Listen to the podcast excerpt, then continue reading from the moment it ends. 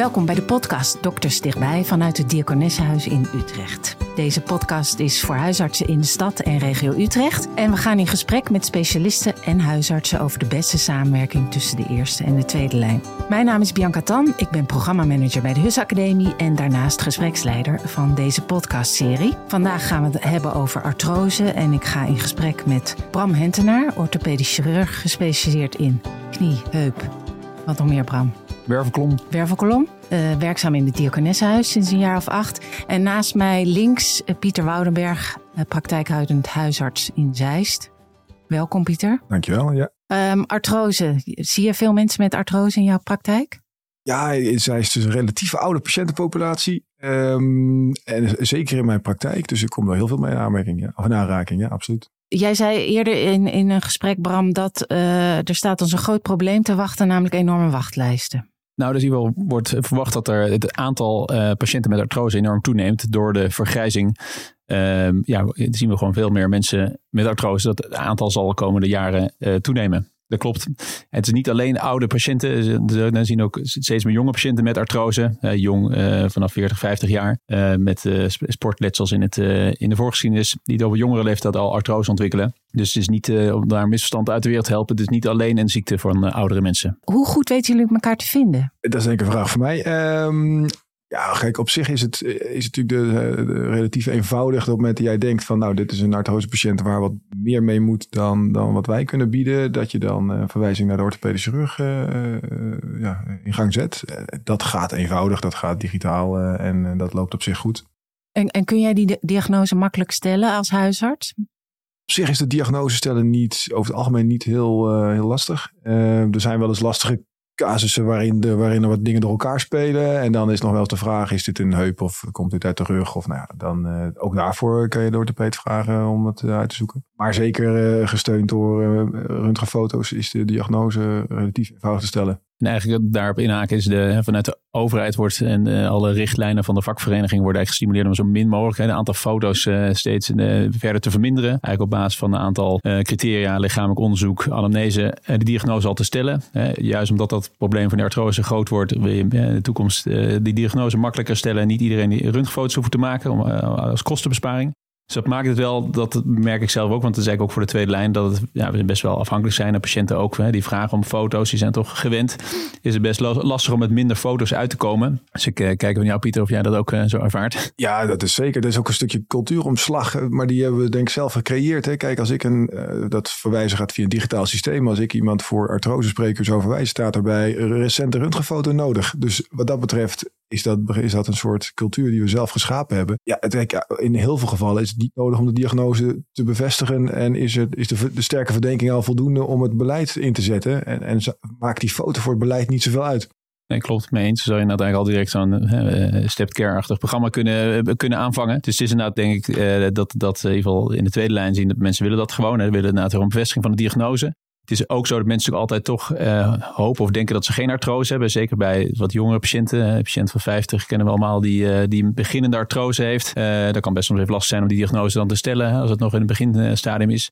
ja, en bedoel, voor mensen boven de 50 met knieklachten, 9 van de 10 keer is het natuurlijk artrose. Alleen iedereen denkt dat hij de ene patiënt is die die artrose niet heeft. ja, en daar heb je dus meer diagnostiek voor nodig om, om het te overtuigen dat het echt die artrose is. En om inderdaad dus daar de behandeling voor te, voor te starten ook, ook, ook de verwachtingen wat betreft beleid is daarin, denk ik, belangrijk. Hè? De relatief jonge mensen hebben toch nog wel uh, andere verwachtingen, denk ik, qua beleid. En hebben ook nog wel het idee dat er nog veel te doen zou moeten zijn. En dat is denk ik ook een, een beetje een erfenis van ja, hè, vijf jaar geleden, tien jaar geleden, weet je beter dan ik, maar werd volgens mij veel gescopieerd. Ja. Hè? Wij kregen ook mensen met beginnende artrose toch een scopie, kijkoperatie ja. in, de, in de hoop dat er dan nog iets uh, op te lossen valt. Klopt, nee, dat, dat zijn we dus helemaal wat teruggekomen. Inderdaad, hè. Dat, was dat doen jullie nu niet meer? Nee, eigenlijk doen we uh, uh, boven de 50 uh, bijna geen kijkoperatie meer. Behalve als je echt hele duidelijke mechanische klachten, slotklachten hebt, dan kan dat een, is een uitzondering. Maar eigenlijk doen we bijna geen kijkoperatie meer van knieën boven de 50.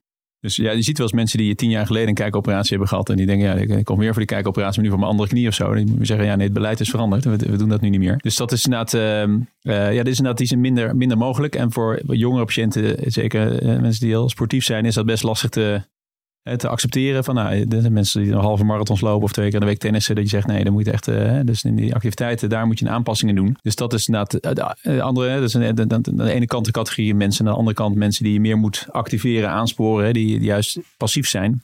Dus daar zit inderdaad een beetje een, het heeft ook met leeftijd te maken, maar het is wel een beetje twee, twee kanten van het spectrum. Goed, dan is natuurlijk ook, als je ze dan uit de tweede lijn zou willen houden, zullen maar zeggen, ja, dan, dan is het belangrijk wat je ze kan bieden buiten de een foto en de, de vriendelijke orthopeet. Ja, en, en, en wat, wat, wat kun je ze bieden? Nou goed, uh, goed, daar hebben we natuurlijk al even hè, al over gehad. Maar dat is, dat is gewoon is beperkt.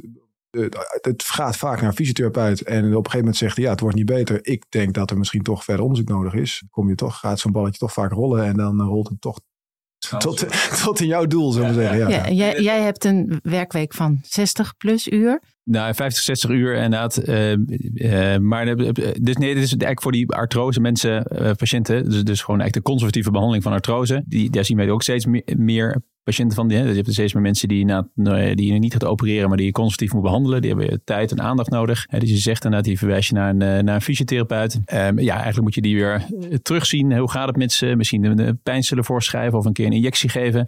sommige mensen hebben een lifestyle coach nodig of een, moeten naar een diëtist. Dus eigenlijk als je die artrosebehandeling dus bij een beginnende artrose goed wil doen, hebben voor veel mensen best wel veel begeleiding nodig. En die tijd hebben wij niet. In de tweede lijn hebben we een korte, korte consulten, vaak 10 minuten. Maar die tijd heeft Pieter ook niet. Nee, precies. Dat is natuurlijk, dus vanuit de overheid wordt gezegd, moet naar de eerste, eerste lijn toe. Fysiotherapeuten, huisartsen. Maar ook daar is niet, denk ik, niet voldoende tijd, mankracht. Um, uh, en misschien ook niet dat alle huisartsen dat even leuk vinden om te doen. Een somber gesprek wordt dit.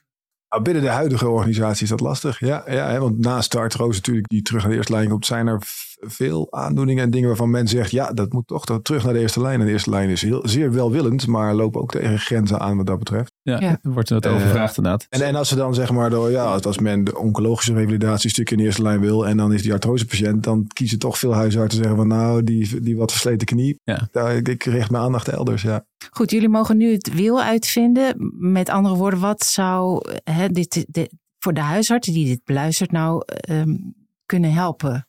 En de patiënt daarmee? Ja, er wordt uh, veel verwachten hè, van, van, uh, van digitalisering, van, van apps. En daar werd ook al eerder, eerder over gehad in eerder gesprek dat dat best uh, lastig is. Een, een app, veel van die apps hè, die, die gebruikt worden ook voor artrosezorg zijn zelfmanagement apps. Dus dat vraagt best wel discipline van, van patiënten. Zijn dat goede apps? Er zijn een aantal hele goede, goede apps die echt goed uh, wetenschappelijk bewezen zijn. En uh, echt goed aan elkaar zitten. En antwoord geven op goede vragen. soms gebruik maken van een stappenteller. Maar ook goede oefeningen. Laten gewoon zien wat de, wat de goede oefeningen zijn. Dus die zijn heel bruikbaar. Maar ik moet eerlijk zeggen dat ik ze zelf ook niet aan mijn patiënten uh, voorschrijf. Dat zit nog niet in mijn systeem. Maar die, dat, ik denk wel dat daarheen zou moeten. En dan is met name de vraag, zijn patiënten geschikt om hè, dat zelfmanagement, uh, om dat te doen? Op zich denk ik dat, dat, dat het heel goed kan werken. Maar dan moet er een, misschien niet voor alle patiënten. Maar ik denk dat het, dat, dat het zou helpen als dat een soort structuur is vanuit je tweede eerste lijn. Dat je daarin wat je, toch dezelfde taal spreekt. En dat je ervoor kiest om een aantal apps daarvoor dan te gebruiken. En die dan ook via alle circuits die manier te gebruiken. Dat zowel de fysiotherapeut als de huisarts als de orthopeet dezelfde dingen adviseert. Hè? En, en dat dus bijvoorbeeld uh, het, thuisarts, wat wel veel gelezen wordt, dat dan kan doorlinken naar bepaalde zelfmanagement uh, nou ja, apps of, of, of misschien ook wel gewoon uh, uitgeschreven als mensen niet zo digitaal zijn. Dat kan zeker wel helpen. En, en ik denk als je zegt, hè, wat is dan het ideale plaatje? Je wil het ideale plaatje dat de mensen in de tweede lijn komen die daadwerkelijk daar de meerwaarde hebben. Zodat jij uh, daar ook jouw meerwaarde kan laten zien. En dat je die andere mensen iets kan bieden. Maar ook zeg maar dat ze zich wel voldoende geholpen en serieus genomen voelen. Van ja, dat je niet, want dat gevoel komt toch wel eens. Ja, ik, ik heb artrose, nog geen operatie, succes bij de fysiotherapeut en ik hoor het wel als ik mag snijden.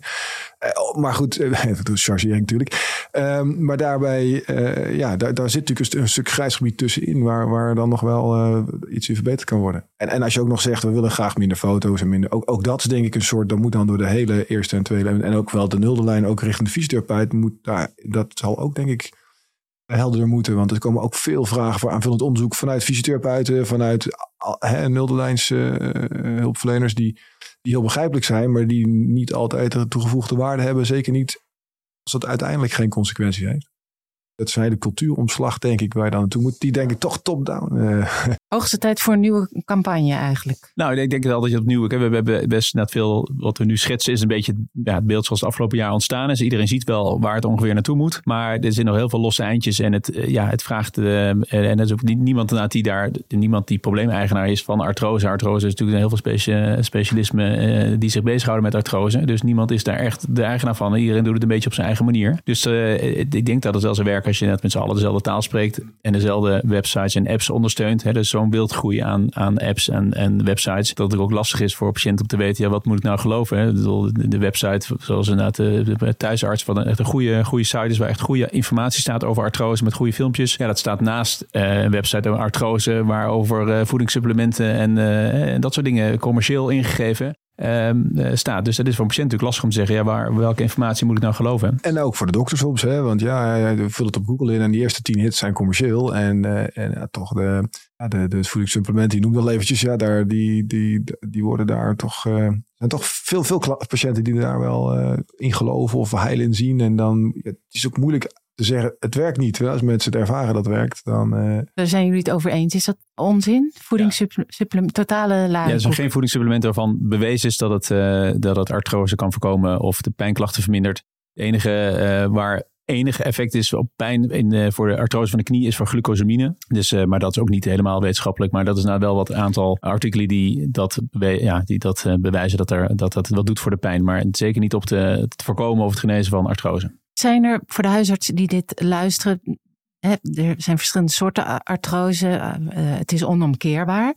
Zijn er tips die jij aan Pieter en de huisarts die luistert uh, kunt geven wat betreft diagnostiek of iets waarvan jij denkt, oh dat kan echt makkelijk naar de eerste lijn? Of stel ik het zo te simpel? Nee, op zich is dat een goede, goede vraag. Dat is, nou, het is niet dat ik echt een specifiek tips heb van dat, dat zou je in de eerste lijn uh, zo moeten doen. Dan, uh, dan, uh, dan, dan hou je mensen langer vast of dan hebben ze mensen minder, direct minder klachten. Het is inderdaad, wat we eerder zeiden, die artrosebehandeling vraagt inderdaad gewoon best wel wat tijd hè, van, van zorgverleners om mensen te, te begeleiden. En sommige mensen ja, het zijn niet zo goed in zelfmanagement, hebben die zelfdiscipline niet. Dus die moet je inderdaad wat meer begeleiden en helpen. Uh, dus het vraagt gewoon meer aandacht. Hè. Het begint met uitleg over de artrose. Wat is artrose? En dan heb je daarna een verhaal over uh, evenwicht, belasting, belastbaarheid. Hè. Hoe uh, moet ik mijn leven aanpassen of mijn activiteitenniveau aanpassen? de een moet je wat meer stimuleren, de ander een beetje meer, meer afremmen. Um, en daarnaast heb je dat, die behandeling met eventueel pijnstillers. Uh, in die zin is het allemaal geen, geen rocket science. Dat het heel, um, ja, dat maar het is inderdaad eigenlijk al die stapjes die helpen mee in, in die behandeling van, die, van de artrose. En het vraagt eigenlijk gewoon tijd en begeleiding. Dus dat is denk ik daar, dat is een beetje de, denk ik de, de holy grail. Uh, is niet één iets wat je kan zeggen voor een schouderartrose of een knieartrose moet je zus of zo doen. Maar het is inderdaad ja, ja, gewoon de begeleiding. En preventie, is, het, is er iets in een eerder stadium te doen? Dat is denk ik een hele. Ik weet niet hoe lang dit podcast duurt, maar dat is denk ik een hele politiek. Ja, preventie zit natuurlijk enorm veel winst. Hè? Als je praat over overgewicht en uh, allerlei bijdragende factoren. Ja, daar zit zeker veel winst te boeken. Inactiviteit uh, is, en overgewicht zijn denk ik twee ontzettend grote factoren voor artrose en de klachten die bij artrose horen. Daar valt zeer veel plek te winnen, maar dat moeilijk is omdat in de spreekkamer, er is, is natuurlijk ook steeds meer aandacht voor eerste lijn en preventie. En uh, nog één uh, vraag, eh, Pieter. Uh, heb je het idee dat hier in de regio Utrecht, wat we zien natuurlijk voor de orthopedie, zitten natuurlijk veel klinieken, ook veel zelfstandige behandelklinieken. Heb je het idee dat jouw patiënten, als je die ergens toestuurt of ook naar ons stuurt, dat die soms te snel geopereerd worden? Of heb je de indruk of, of vind je dat meevallen? Ja, dat is natuurlijk vooral te zijn altijd moeilijk te zeggen. Hè? Want uiteindelijk is de, de, de, de, de, gewoon het lijden van de patiënt daarin leidend. Hè? maar uh, wat ik wel merk is dat het, dat het niet helpt. Dus als mensen een keer bij, bij partij A zijn geweest en daar toch vaak als een conservatief uh, voorstel gedaan wordt, dan toch zelf aan twijfelen dat, er, dat het vrij makkelijk is, tussen aanstekens, om nog eens even bij de buurman de, mening te vragen. Uiteindelijk wordt er, wordt, als je mensen heel graag willen, dan wordt er vaak toch wel geopereerd, zullen we zeggen. Ja. En, maar ja, dat, ook daarin geldt natuurlijk, ook, ook voor jullie geldt natuurlijk hoe, hoe, hoeveel lijden patiënten aangeven, hoe, hoe erg de, de, last is, ja, dan op een gegeven moment is dat natuurlijk ook. Ja, ga je inderdaad overstag dat je natuurlijk heel vaak bij is geweest. En je hebt al, je hebt al inderdaad zes consulten, zeven consulten. En uh, op een gegeven moment. En wat is dan de grootste klacht? Pijn of niet meer kunnen bewegen? Of nee, is pijn inderdaad. Pijn niet ver kunnen lopen of nachtpijn. Ik bedoel, je hebt echt, dat zijn natuurlijk de, maar je hebt natuurlijk het stadium daarvoor dat mensen wel pijn hebben. Maar denken, ja, hoe erg is het nou? Of de artrose nog niet zo, of de foto laat nog niet zulke erge artrose zien. Ehm, ja, dan is natuurlijk, dan denken we, nou, dit moeten we eigenlijk nog een tijdje conservatief doen. Maar het kan inderdaad, uh, inderdaad er is ook al genoeg patiënten wie je dat voorgesteld hebt, die inderdaad, weet je, weten, gegevens op worden gevraagd dat ze naar een andere kliniek gaan waar ze wel geopereerd worden. Dus mensen gaan inderdaad, natuurlijk mensen die het echt willen, ja, die gaan gewoon rondshoppen totdat ze een loket vinden waar ze wel. Ja, en er zijn veel loketjes hier in de buurt. Dus dat, dat, ja, dat, maar uiteindelijk vind je wel iemand die dat wel wil doen. Ook omdat als je, de, als, je, als je maar shopt, dat is al een soort teken dat je veel last hebt. En, en, en de pijn is ook een stuk subjectief. Ja. En dat is natuurlijk heel moeilijk voor een dokter om dat te zeggen. Ja, volgens mij valt wel mee. Ja, dokter, maar ik heb heel veel pijn. Dus ja. uh, waarom opereer je me niet? Ja. Terwijl jij ziet, kan natuurlijk zien dat misschien qua bewegingsbeperking het allemaal wel meevalt. Ja, en je ziet inderdaad een patiënt die, maar wie de motivatie om hè, voor zelfzorg, hè, om zelf uh, energie te steken in een fysiotherapiebehandeling en uh, de aanpas van leefstijl. Dus die zie je dan heel laag zijn. Ja, dan denk je natuurlijk toch van, nou, dat, maar goed, dat, dat is natuurlijk lastig, want dat verandert je niet zomaar. En, en, en, en het heeft mijn buurman geweldig geholpen. Die staat weer op de golfbaan. Dus dan moet ik zeker minder golven. Ja, dat, dat zie ik niet zo zitten, dokter. Ja. Nee. Dat, is, dat is een lastig veld. Dat is een lastig veld. En daarin wil je natuurlijk liefst, uh, wat we al even zeiden, wil je zoveel mogelijk conservatief kunnen bieden voordat je uh, wil opereren. Ja, en liefst dus één lijn trekken met z'n allen naar hetzelfde, taal spreken. Ja, dat neemt niet weg dat er meer loketten zijn waar een patiënt naartoe kan. Maar ik denk als je met z'n allen het, hetzelfde pad volgt, dan uh, kan je heel veel mensen toch langer conservatief goed behandelen. Want over het algemeen zitten er niet veel mensen op een operatie te, te springen hoor. Dus weet je, het is altijd een kleine groep die dan een beetje gaat shoppen, zoals je zegt. Ja, die hou je toch niet tegen, denk ik. Um, we gaan richting afronding van dit gesprek. Was er tot slot nog iets wat jullie uh, van belang vinden om te noemen? Ja, nee, uh, we hebben uh, uit orthopedie beginnen we op 1 april met, bieden we aan om teleconsulten, dus meekijkconsulten voor de huisarts. Dat is via zorgdomein, kan je een vraag stellen. En dan krijg je de, dezelfde dag daar een antwoord op. En we hopen dat daarmee dus de, de, de behandeling van artrose in de eerste lijn uh, ondersteund wordt. We hebben sommige patiënten die willen gewoon op een of manier dat een specialist het gezegd heeft, anders uh, geloven ze het niet. Dus dat, dat denk dat dat meerwaarde heeft als een huisarts dat kan, ja, op die manier kan bespreken. Nou, als ik voor mezelf spreek, in ieder geval, en volgens mij veel collega's zijn er ook blij mee met die, die optie. Dat scheelt een heleboel belletjes. En uh, er zijn soms foto's waarvan je denkt, wat moet ik er nou mee? Dat, dat kan, uh, kan heel nuttig zijn. Kan je die apps nog een beetje promoten als je dan iets wil uh, terugsturen? Ja, dat is een goed, goed idee. Ja. En hoe lang wat moet je dan wachten? Dus jij... jij... We, we, we antwoorden dezelfde dag. Dat is het streven dat net alle vragen die dus overdag beantwoord worden... aan het eind van de dag, zeg maar voor vijf uur, beantwoord zijn. Mag ik jullie hartelijk danken voor dit gesprek. genoeg stof tot na denken. Of voor een uh, vervolggesprek of voor een nascholing. Dank jullie wel. Graag gedaan. Graag gedaan.